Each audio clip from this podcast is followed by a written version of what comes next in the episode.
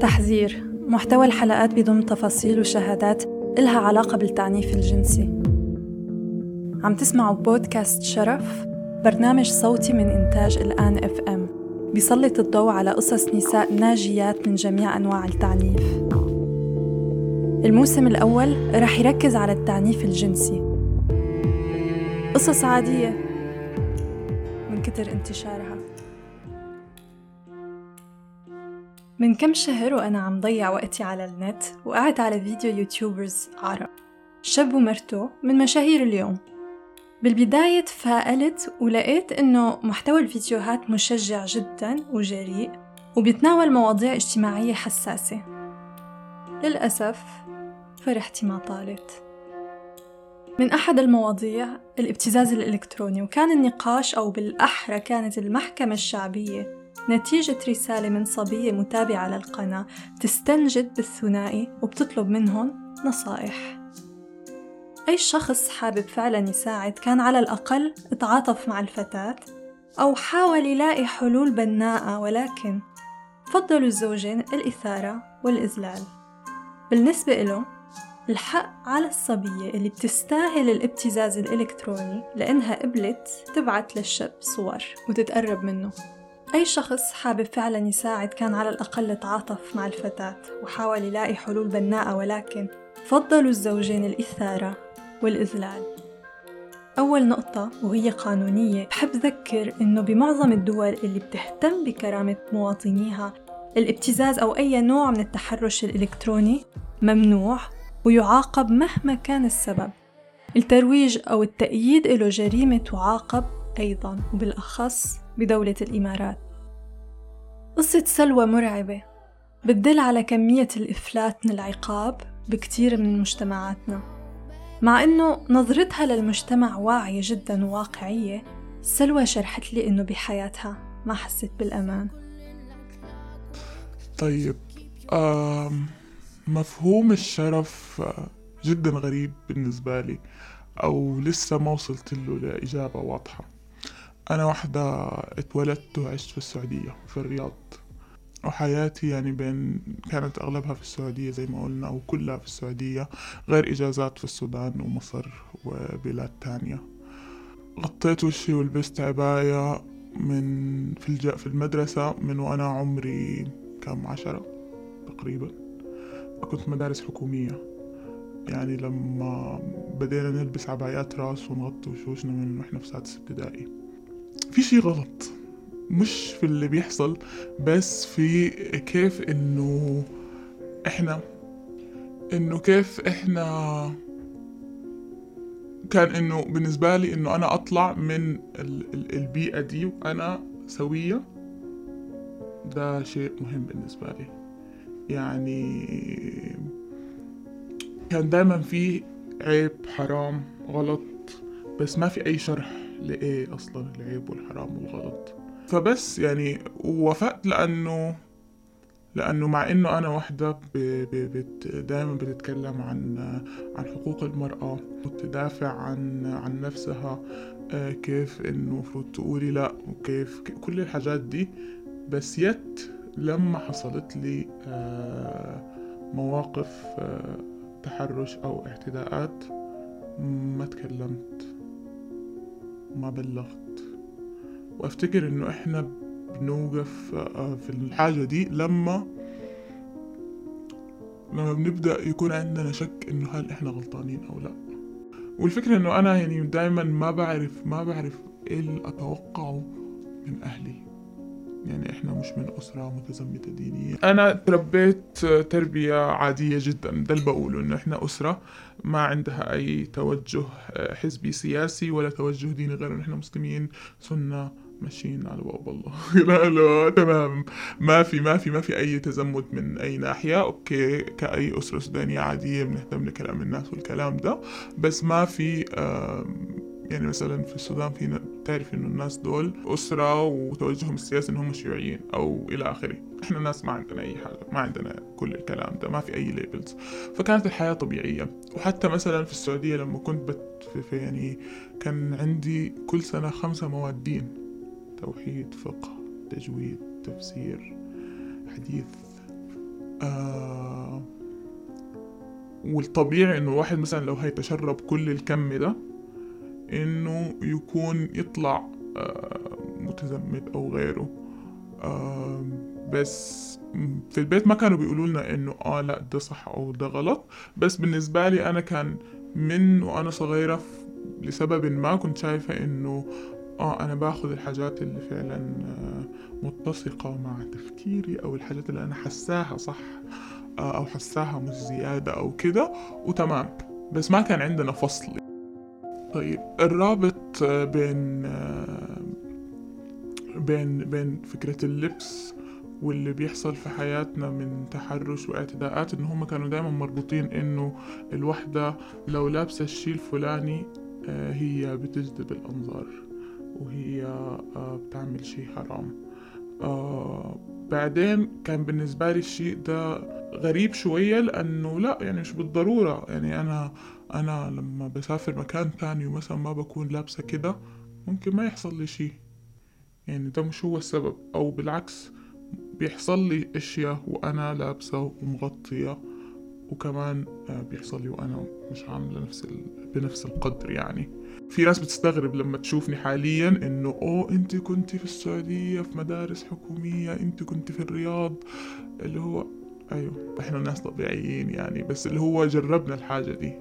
فبس زي ما قلت لك إنه لقيت إنه بيحصل ممكن يحصل لك تحرش سواء أنت مغطية وشك سواء لا سواء لابسة مش لابسة. كله بيعتمد على البلد اللي أنت فيه والمكان. والأهم كمان سهولة الحاجة. بمعنى إنه حاليا أنا في دبي فأنا عارفة إنه ما هي ما هيحصل لي أي تجربة أي تحرش. أنا زي حسي في دبي وعارفة إنه أنا ما هيحصل لي أي تجربة تحرش في الشارع كده عادي راندوملي أو يعني عشوائيا. آه عشان في قوانين بتحكم الموضوع ده. بس المشكلة إنه في الحالة دي حالات التحرش والاغتصاب وغيره بتلقيها من ناس بتعرفيهم أنا عمري ما حسيت بأمان في الشارع. إلا جيت إلا لما عشت هنا في دبي. وفي يوم من الأيام كده كنت ماشية الساعة أربعة صباحا فجر راجعة على السكن في الجامعة. وبعدين أخذت لحظة كده وبس قدرت فكرة إنه يا رزان أنتي ماشية لوحدك الساعة أربعة صباحا في شارع فاضي تماما okay صح حي في ناس مأهول بالبشر لكن still أربعة صباحا في ناس سكرانين ممكن يكونوا حواليكي في ناس في في في في حاجات كتيرة بس yet انتي ماشية وحاسة إنه تمام ما هيحصل لي حاجة. ولو حصل لي حاجة أكيد يعني هتصرف هتصل على الشرطة يعني هيكون الشيء الغريب إنه يحصل لي حاجة مش الشيء المتوقع. مع إنه still بيكون في توجس الطبيعي نتاج عن تجربتنا في الحياة. بعكس كده آه والفكرة إنه الأمان ده مش بس أمان فكرة إنه حد يتحرش بي أو لأ فكرة إنه حد يسرق مني حاجة. يعني الشعور ده عمره ما توفر في السودان عمره ما توفر في مصر. يعني فكرة إنه إحنا بنكون ماشيين في الشارع بنتلفت حوالينا تكوني ماسكة شنطتك كويس تكوني حاسة إنه نظرات الإنسان ده ليه مريبة. أو دائما في إحساس كده إنه العالم بيترصد لك بالمرصاد سواء عاملة حاجة أو مش عاملة حاجة لابسة شي ملفت أو مش لابسة شي ملفت. ودي مش بصيغة مبالغة بس فعليا شوارع بلاد كتير في العالم مش أمان.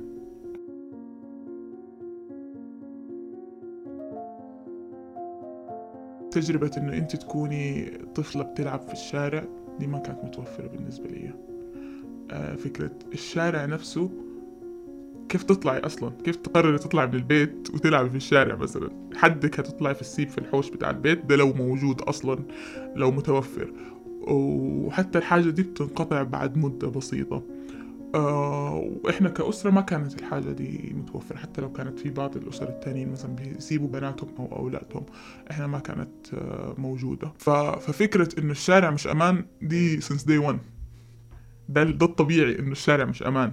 ومش الشارع مش أمان عشان بي بي بي بي بي, بي بيوضحوا لنا فكرة إنه آه, آه حد هيخطفك حد هيعمل لك حاجة مش كويسة.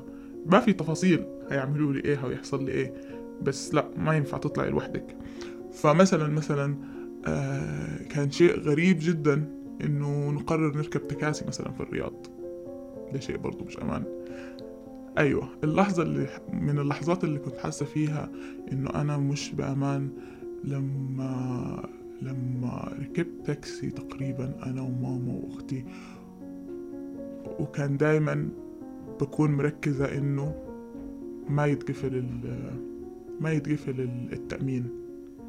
على إحساس إن إحساس الشخص ده ممكن في أي لحظة ممكن يغير الطريق ويروح مكان تاني.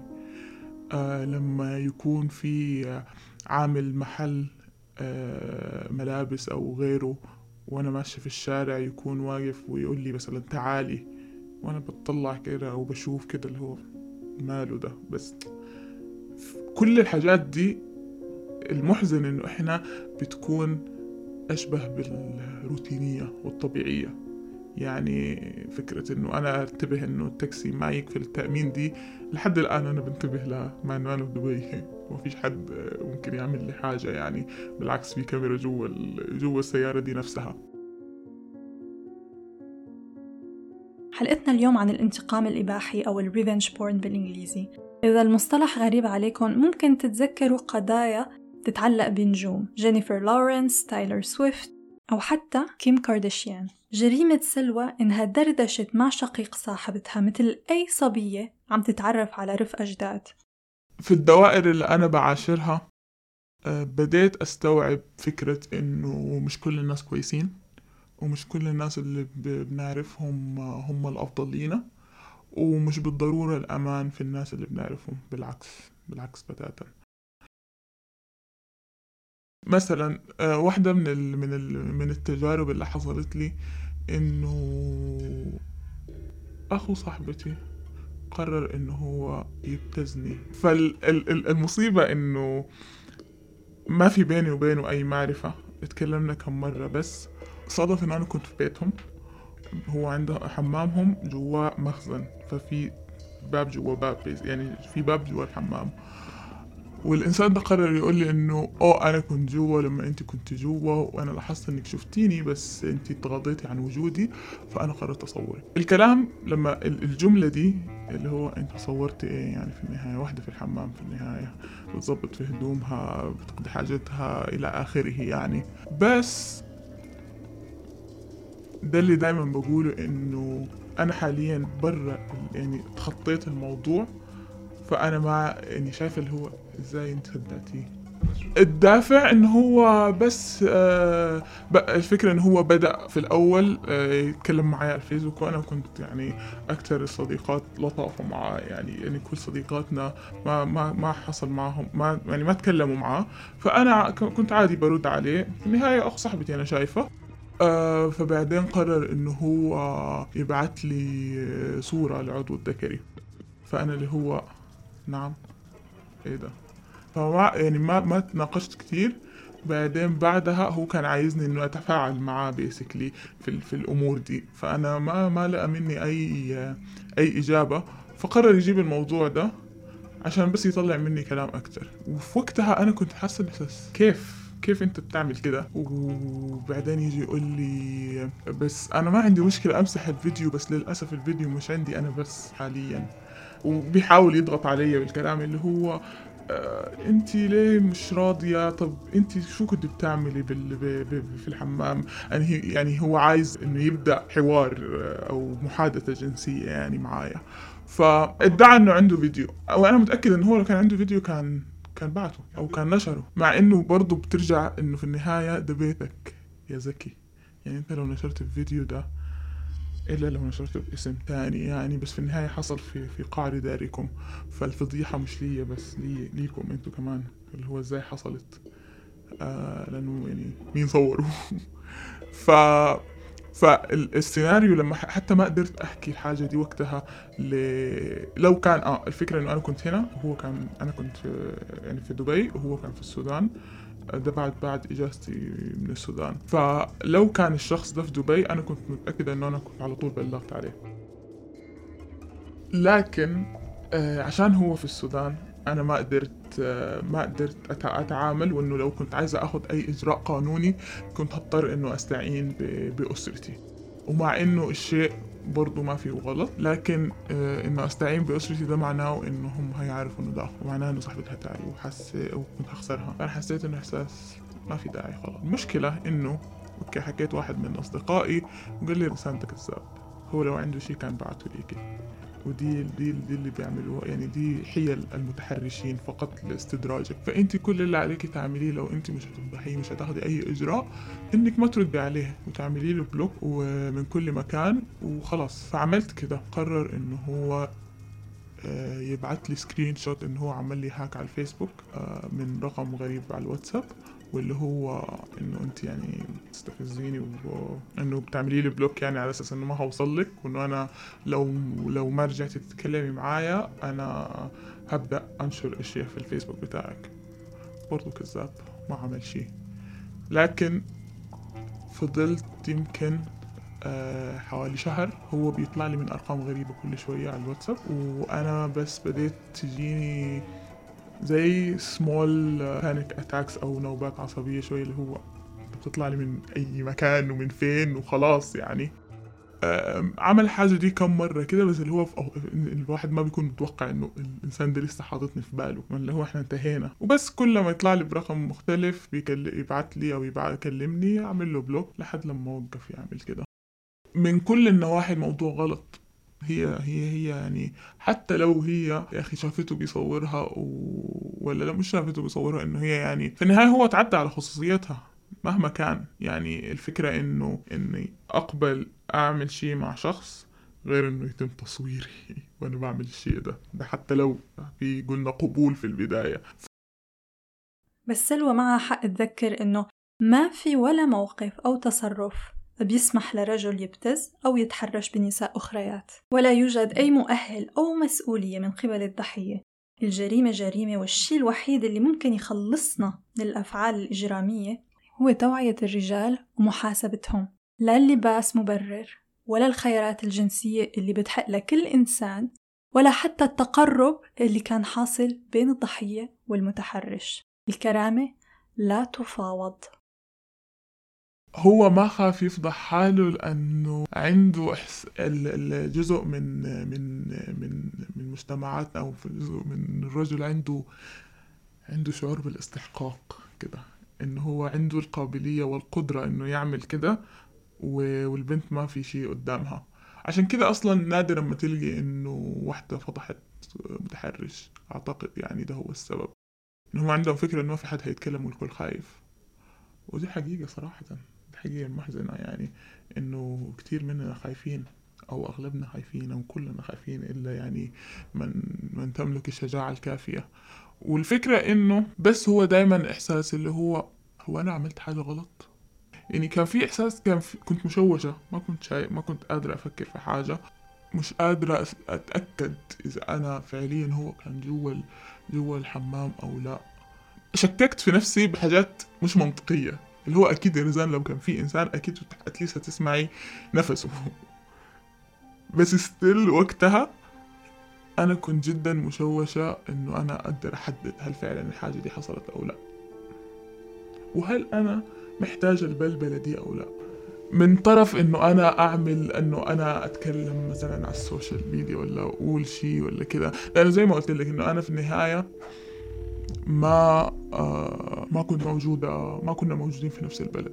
يعني أنا لو كنت برجع وعيد إنه أنا لو كنت في دبي وهو كان في دبي أنا كنت هحل الموضوع ده بشكل ثاني بمجتمعات تعتبر إنه حتى صوت المرأة عورة صعب صبية تقرر تبلغ عن مفترس.